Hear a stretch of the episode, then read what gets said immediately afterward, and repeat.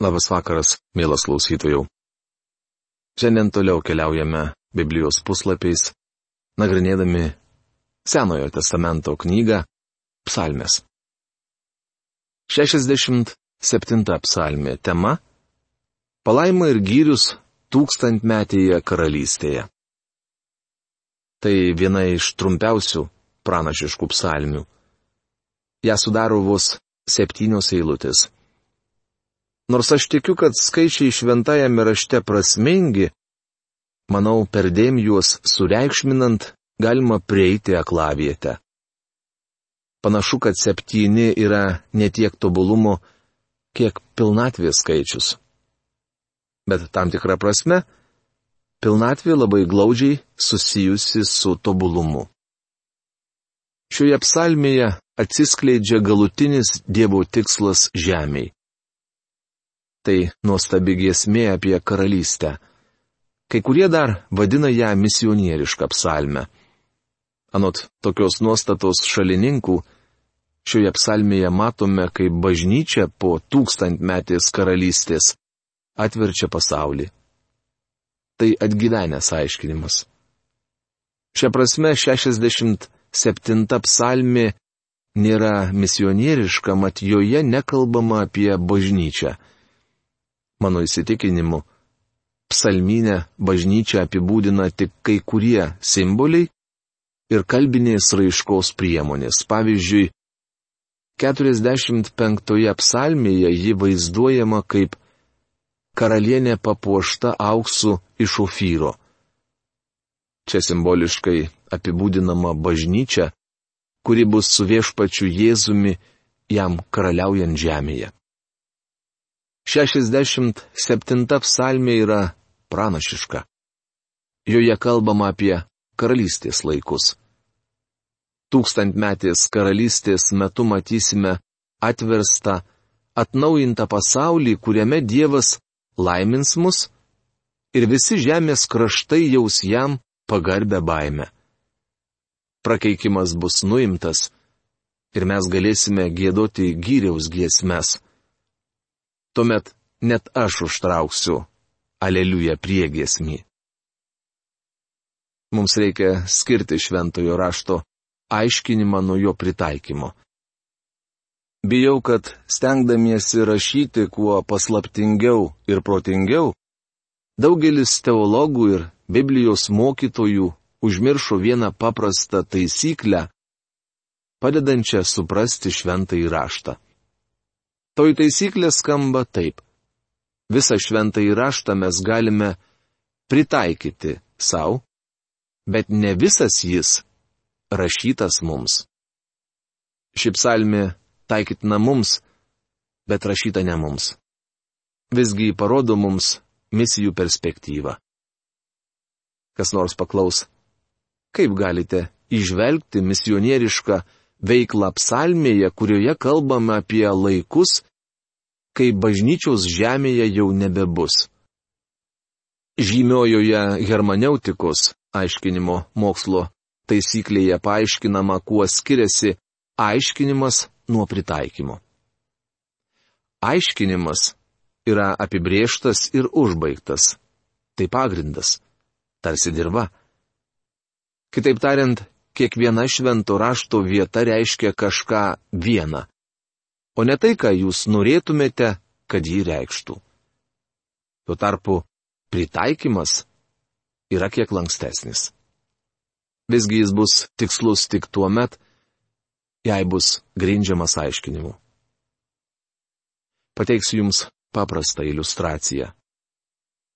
Deimantas turi praktinę vertę tik tuo met, kai yra apdirbtas pritvirtintas prie žiedo ir nešiojamas ant kurio nors piršto.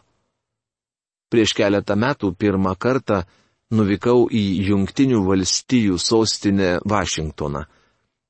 Būdamas ten, aplankiau Smithsonijos instituto muziejų, kur tarp kitų eksponatų mačiau ir vilties deimantą. Pastebėjau vieną įdomų dalyką. Daugelis žmonių praeidavo eksponatus iš kosmoso, bet visi sustodavo apžiūrėti tariamo vilties deimanto. Manau, tai parodo, kokia gudi žmogaus širdis. Todėl man to negali nešioti ant piršto, taigi jis neturi jokios praktinės vertės. Beje, sužinojau, kad jei Amerikai grėstų karinis pavojus ar kokia kita baisi nelaimė, vitrinas su tariamu vilties deimantų prasmektų apsauginėme skliaute, esančiame kažkur Smitsonijos instituto Rūsyje. Kiek suprantu, tas akmuo niekam nenaudingas. Jis neturi jokios asmeninės vertės. Tai tik didelis, nelemtas deimantas. Kad būtų naudingas, jis turi būti įtvirtintas. Šventasis raštas taip pat turi būti teisingame aiškinimo įtvare. O tuomet užmautas ant patirties piršto, tai yra pritaikytas. Senoje patarlėje sakoma, jei batas tinka, apsiauk. Jei kuri nors iš psalmių prabyla jūsų širdžiai, o Dievas gali prabilti jums kiekvienoje iš jų, tuomet pritaikykite jo žinę savo gyvenime. Pavyzdžiui, apreiškimo knygoje viešpats Jėzus kreipėsi į septynias Azijos bažnyčias. Tuo metu jo žinia turėjo būti ir aiškinama, ir pritaikoma. Ji baigėsi raginimu. Klausykis. Šis raginimas skirtas tam, kas turi ausis. Jei turite ausis, Jėzus kreipėsi ir į jūs. Kas turi ausis te klauso, ką dvasia skelbia bažnyčioms. Rašoma apreiškimo knygos trečios skyriaus 13 eilutėje mes galime pritaikyti savo kiekvieną iš septynių Azijos bažnyčioms rašytų laiškų. Noriu pakartoti, kad 67 psalmė nėra misionieriška, tačiau joje randame keletą svarbių principų susijusių su dieviška misionieriškos veiklos programa mūsų gyvenime. Trumpai aptarkime keletą įdomių šios psalmės aspektų. Čia tris kartus pakartojama frazė te laiminamus ir keturis kartus te garbina arba te giria tave. Šioje psalmėje paminimi trys skirtingi asmenys arba asmenų grupės. Pirmoji. Net penkiolika kartų vardu arba įvardžių paminimas Dievas. Bet to čia matome dieviškąją trejybę. Antroji Šešis kartus paminėta Izraelio tauta, kurią apibūdina įvairiai linksniuojamas įvardis mes. Bei trečioji - devynis kartus paminėtos tautos. Tai svetimšaliai, skirtingų tautų, rasių ir visuomenės sluoksnių žmonės, tokie kaip jūs ir aš. Paklausykite, kaip prasideda ši psalmi. Te būna Dievas mums maloningas ir te laimina mus. Te šviečia mums jo veidas. Sela. 67 psalmės antra eilutė.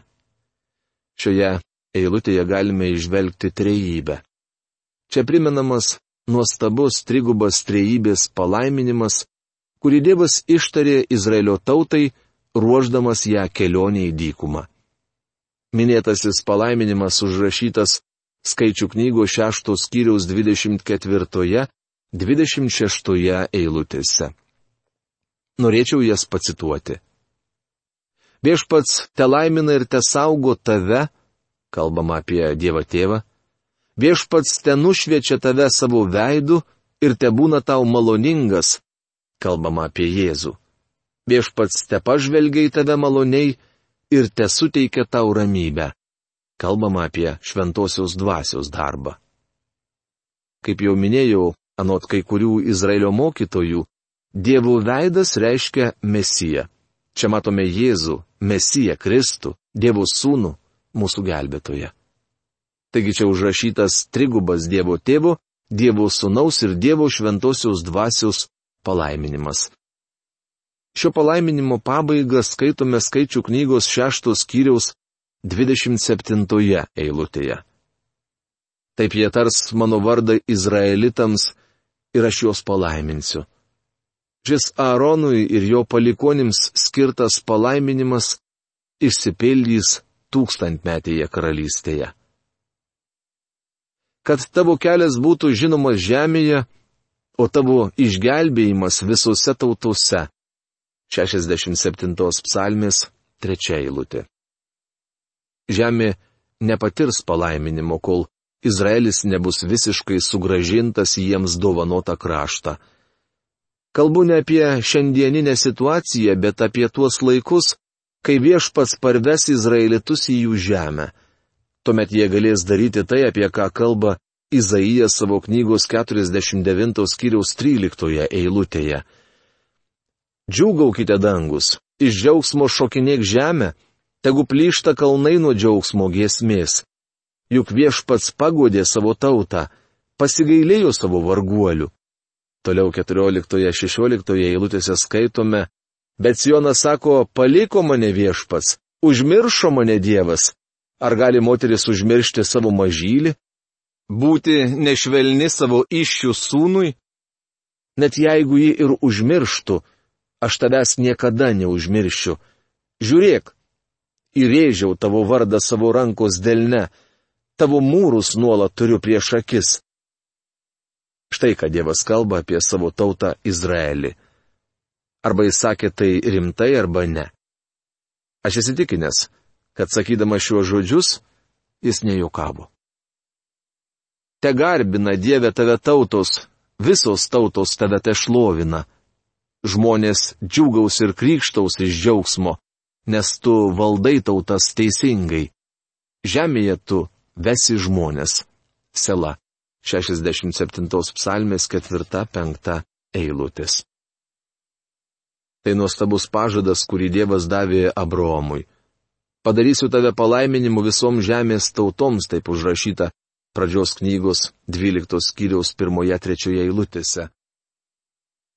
Atėjęs į šią žemę pirmą kartą, viešpats Jėzus labai aiškiai pasakė, kad išganimas ateina iš žydų. Kristui atėjus antras iki žemė bus atversta. Didysis išgelbėjimų bumas mano įsitikinimu dar ateityje. Skaitytojai pastraipa negali išsipildyti šiomis dienomis. Visa tai vyks tuo met, kai Kristus įsteigs tūkstantmetę karalystę.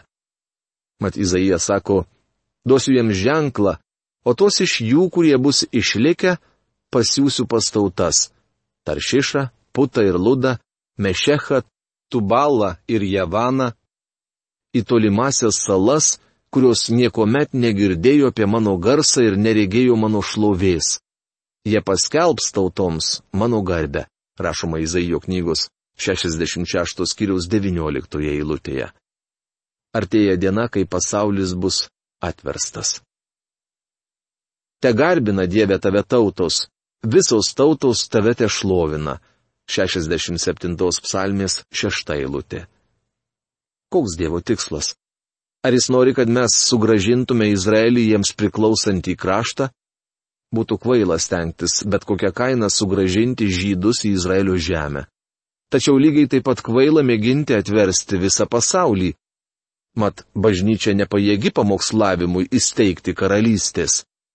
Galite būti dėl to tikri Laiško romiečiams 11 skyrius 25 eilutėje labai aiškiai sakoma, kad jūs, broliai, per aukštai apie save nemanytumėte, pasakysiu jums paslaptį. Dalis Izraelio tautos lieka užkėtėjusi, kol įeis pagonių visuma. Iki kada? Kol įeis pagonių visuma. Te duoda žemė savo derlių, te laimina mus Dievas, mūsų Dievas. 67 psalmės 7 eilutė. Matote, nuodėmės prakeikimas bus patrauktas nuo žemės. Te laimina mus Dievas, te bijo pagarbėjo visa žemė. 67 psalmės 8 eilutė. Noriu tarti kelis žodžius apie misijas. Manau, tai svarbus komentaras. Ką atsakytumėte, jei paklausčiau jūsų? Koks svarbiausias misijų tikslas? Kas nors galbūt tars misijų tikslas - gelbėti sielas. Tuomet aš atsakyčiau, kad sielų gelbėjimas nėra pagrindinis misijų tikslas, nors tai turėtų būti misionieriškos veiklos rezultatas.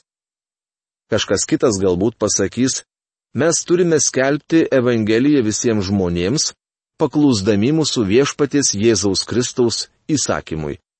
Tai mūsų pareiga. Privalome visur skelbti Evangeliją. Dievo žodis turi pasklisti po visą žemės rutulį. Tai taip pat tiesa. Tačiau pagrindinis misijų tikslas netoks. Šis atsakymas tikslesnis, bet manding nėra visai tikslus. Leiskite jums dar sėki pacituoti šeštą ir aštuntą eilutes. Te garbina Dieve tave tautos. Visos tautos tave te šlovina. Te laimina mus Dievas. Te bijo pagarbėjo visa žemė. Tad koks galutinis misijų tikslas? Visos tautos tave te šlovina. Pagrindinis misijų tikslas - pašlovinti Dievą. Tai garbėžys, kuris turėtų traukti kiekvienos misijų programos ar krikščioniškos iniciatyvos traukinį. Garbėžys yra Dievo pašlovinimas. O toliau eina Evangelijos skelbimas, kad žmonės rastų išgelbėjimą Kristuje. Pagrindinis tikslas šlovinti Dievą. Bijau, kad mes nebūtume to užmiršę. Ši tiesa buvo užrašyta net katekizme, kurį aš privalėjau išmokti. Klausimas, koks pagrindinis žmogaus tikslas? Atsakymas - pagrindinis žmogaus tikslas - amžinai liaupsinti ir šlovinti Dievą. Kam mes egzistuojame? Ar mes čia tam, kad gerai prisikirstume ir paliktume tuščią lėkštę? Ar tik tai reikia daryti žmogui? Ne. Jis turi šlovinti Dievą. Mes šloviname Dievą skleisdami jo žodį, skelbdami Evangeliją. Šloviname jį, kai žmonės randa išgelbėjimo kelią. Tačiau mūsų tikslas - šlovinti Dievą. 68 psalmė tema - išganimo giesmė kuria prasideda tūkstantmetį karalystė. Taip psalmė apie išvadavimą ir pergalę. 67 psalmėje buvo aprašoma karalystė, o čia skaitome apie visagalį karalių. Pakyla Dievas, išsisklaido jo priešai, bėga nuo jo veido tie, kurie jo neapkenčia. 68 psalmės antra eilutė. Čia perteiktas skaičių knygos 10 skyriaus 35 eilutė. Kasdien, kai Izraelis rengdavosi kelionin dykumą, Mozė sakydavo, pakilk viešpatie, te būna išsklaidyti tavo priešai, te bėga nuo tavo veido tie, kurie tavęs neapkenčia. Ankstesnėje psalmėje girdėjome raginimą gėdoti. Tokį pat raginimą girdime ir dabar. Tai dar viena triumfo ir šlovės giesmė.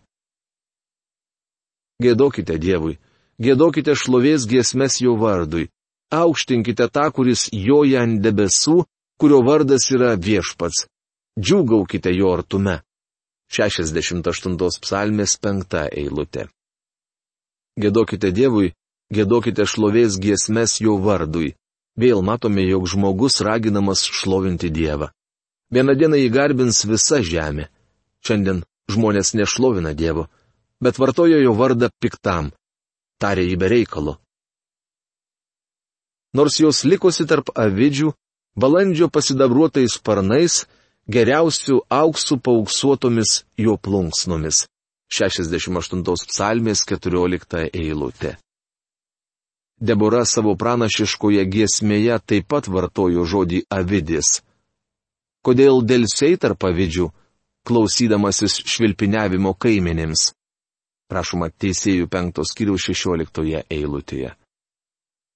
Reikėtų pažymėti, jog šie žodžiai buvo adresuoti į mūšį neėjusiai Rubino kilčiai.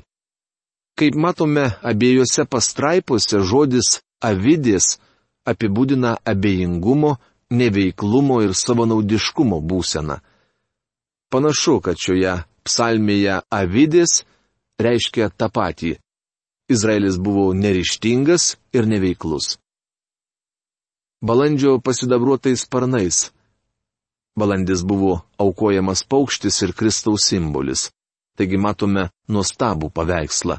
Nors žydai buvo nerūpestingi ir nerodė entuzijazmo, Kristaus auka juos apdengs. Galima teikti, jog ši psalmė yra apie Kristaus pakilimą į dangų, mat tolimesnė eilutė cituojama laiške Efeziečiams. Kildamas aukštyn, nusivedė sugautus belaisvius ir davė žmonėms dovanų. Rašoma Efeziečiams laiško ketvirtos kiriaus aštuntoje eilutėje. Tu kopiai aukštą į kalną, vedėsi belaisvius su palyda ir prieimiai dovanas iš žmonių, net iš tų, kurie maištauja. Viešpats Dievas ten gyvens. 68 psalmės 19 eilutė. Manau, po mirties pakilęs į dangų viešpats Jėzus Kristus padarė du dalykus. Pirma, su savimi pasiemė visus praeitie šventuosius, buvusius rojuje. Iki to laiko Dievas tikinčiuosius gelbėjo skolon, tačiau mūsų viešpats, numirdamas ant kryžiaus, išpirko žmoniją. Jis pasiemė ištobulintas teisiųjų dvasias pas Dievą. Antra, viešpats Jėzus davė žmonėms dovanų ir šiandien savo darbą tęsia per apdovanotuosius. Kiekvienas žmogus priklausantis Kristaus kūnui turi dovaną.